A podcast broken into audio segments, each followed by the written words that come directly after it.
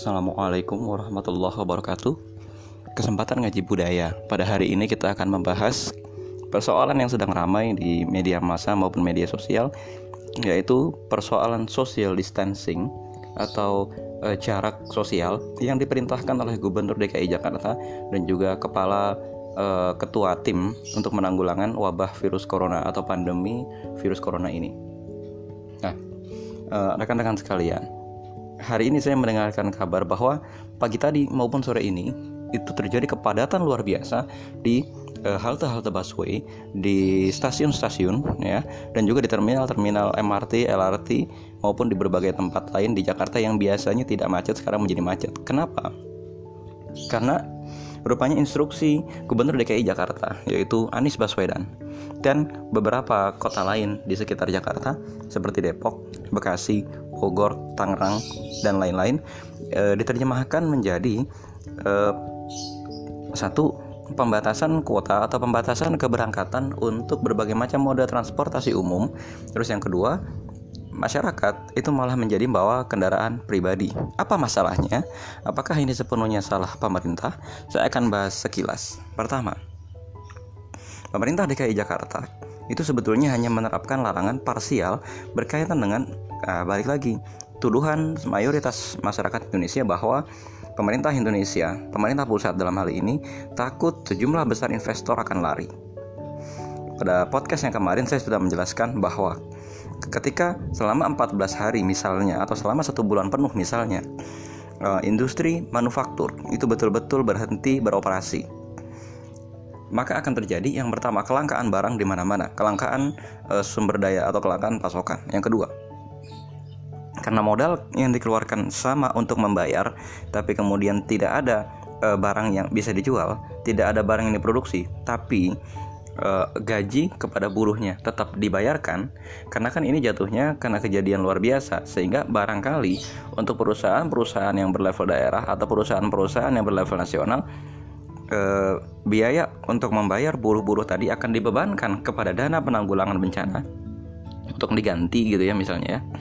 Maka kemudian barangkali peraturan pemerintah ini atau dalam arti imbauan dari gubernur ini tidak bisa menjangkau korporasi atau manufaktur-manufaktur tadi sehingga apa?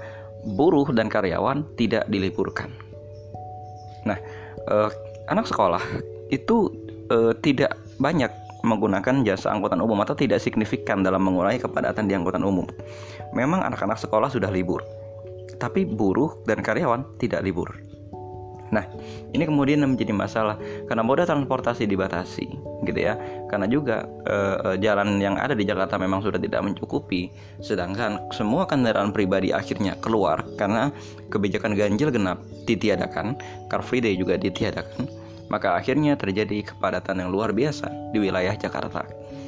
Nah, terus bagaimana harusnya ini semua? Satu, memang mau tidak mau pemerintah pusat itu tegas mengeluarkan dana besar-besaran untuk menyelamatkan ibu kota Jakarta dan juga untuk menyelamatkan provinsi Jawa Barat, provinsi Banten dan provinsi-provinsi lain yang terkena dampak terutama. Untuk apa? Satu, mengadakan memang libur massal selama 14 hari. Yang ini tidak lockdown karena kalau lockdown ini repot ya. Karena kalau lockdown misalnya pangan itu terbatas. Yang kedua kepanikan masyarakat ini luar biasa gitu ya nah, jadi uh, tidak lockdown tapi hanya menghentikan seluruh aktivitas industri dan memang harus nekat bayarin aja ya memang harus nekat uh, gaji para buruh dan para karyawan tadi memang harus disubsidi oleh pemerintah dari mana dana, dana subsidinya?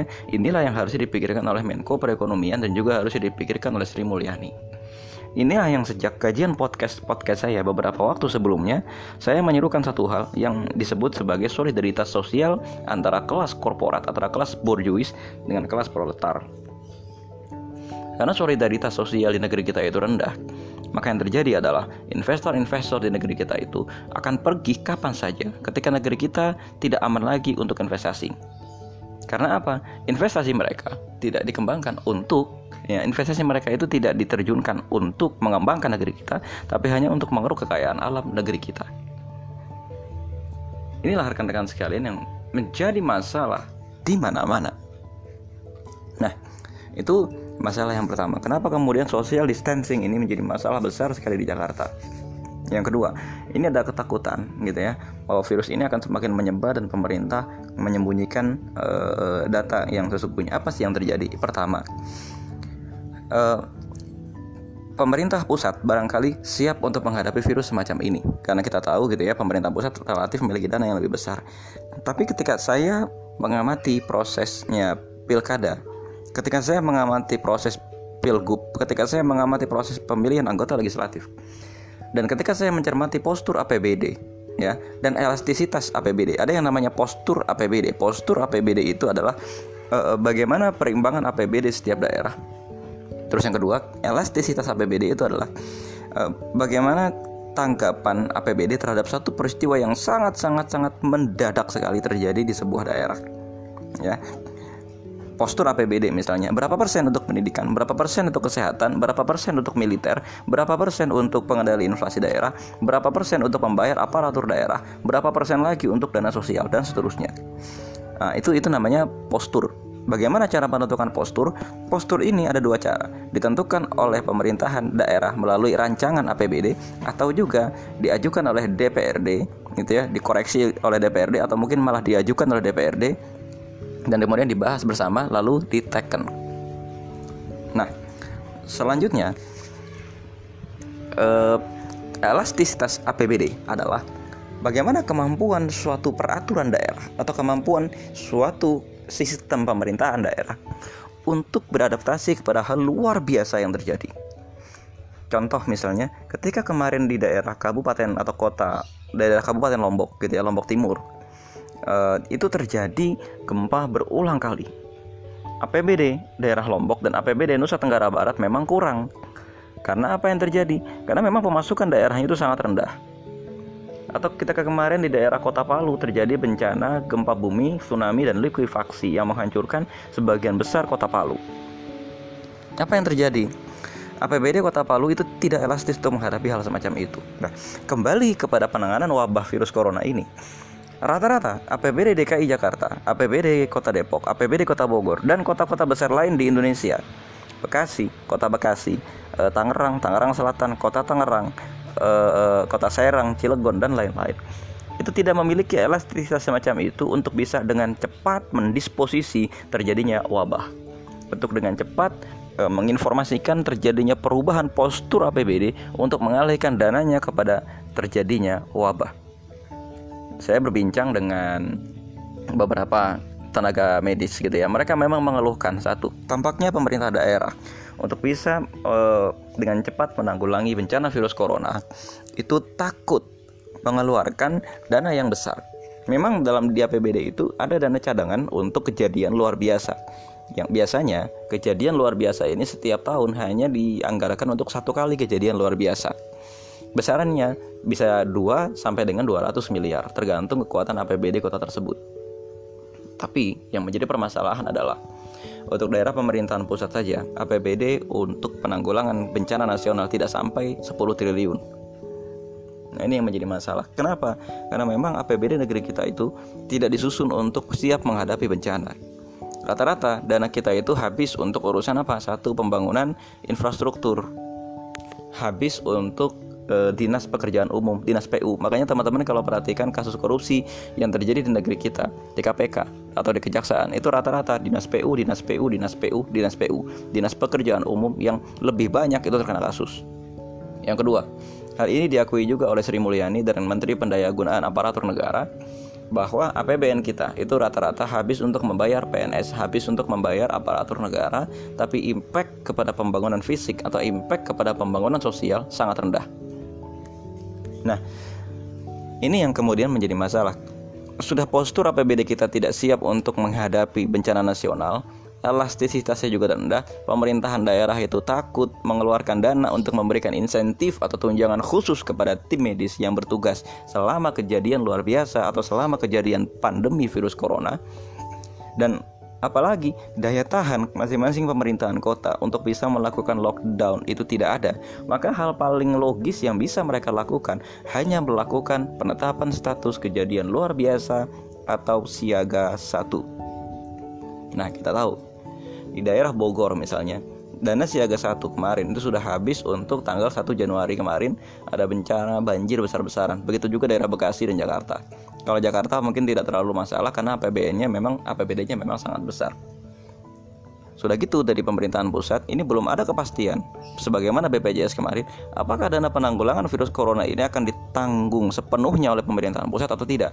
Sehingga pemerintah daerah selain Jakarta khawatir atau takut untuk mengumumkan agar pemerintah agar masyarakat berbondong-bondong memeriksakan dirinya ke klinik. Sehingga apa yang terjadi? Kasus ini semakin menjulang seperti gunung es. Karena baik lagi karena pemerintahan daerah tidak punya anggarannya, karena APBD tadi tidak elastis, tidak gampang berubah. Maka pemerintah daerah itu relatif tidak memerintahkan kepada masyarakatnya untuk memeriksakan kepada fasilitas kesehatan terdekat. Maka kejadian seperti yang di Cianjur, di Bogor dan di mana itu ya, itu orang sudah meninggal baru ketahuan positif corona. Orang masuk ke rumah sakit tiga jam kemudian meninggal, dia baru ketahuan positif corona. Kenapa? Sampai hari ini saja saya tinggal di Depok. Saya tidak tahu harus memeriksakan diri ke mana, harus bayar berapa, dan saya khawatir ketika saya memeriksakan diri saya ke dokter spesialis paru misalnya, saya kena biaya mahal. Jujur saja saya termasuk orang yang sangat rentan. Kenapa?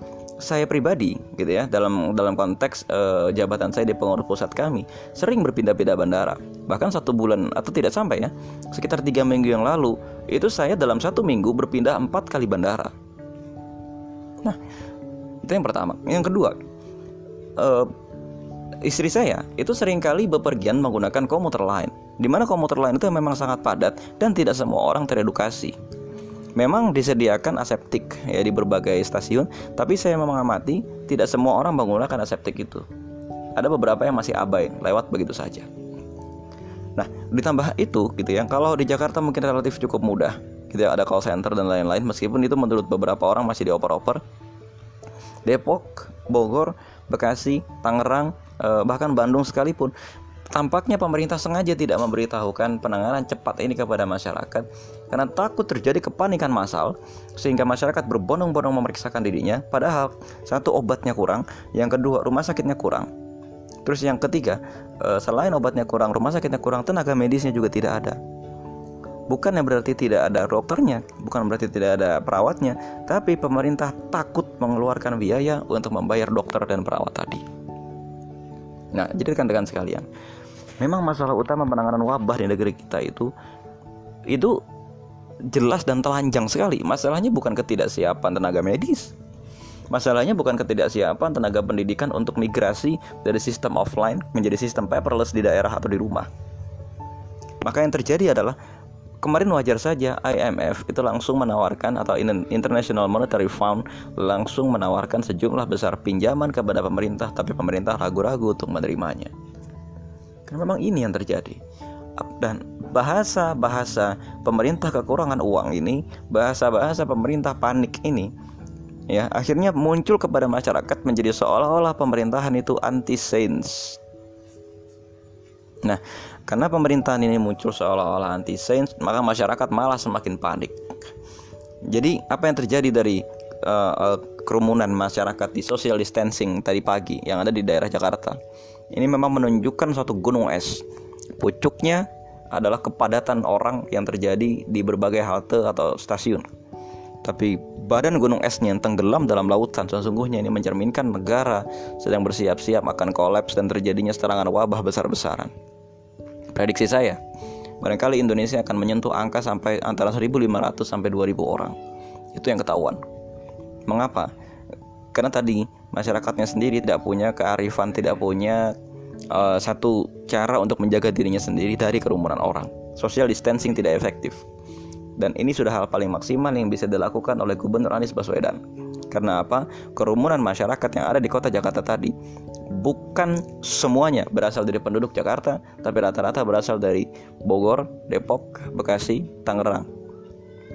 Itu rekan-rekan sekalian. Jadi kira-kira itu ulasan singkat saya hari ini berkaitan dengan virus corona dan social distancing yang terjadi di daerah ibu kota Jakarta. Assalamualaikum warahmatullahi wabarakatuh.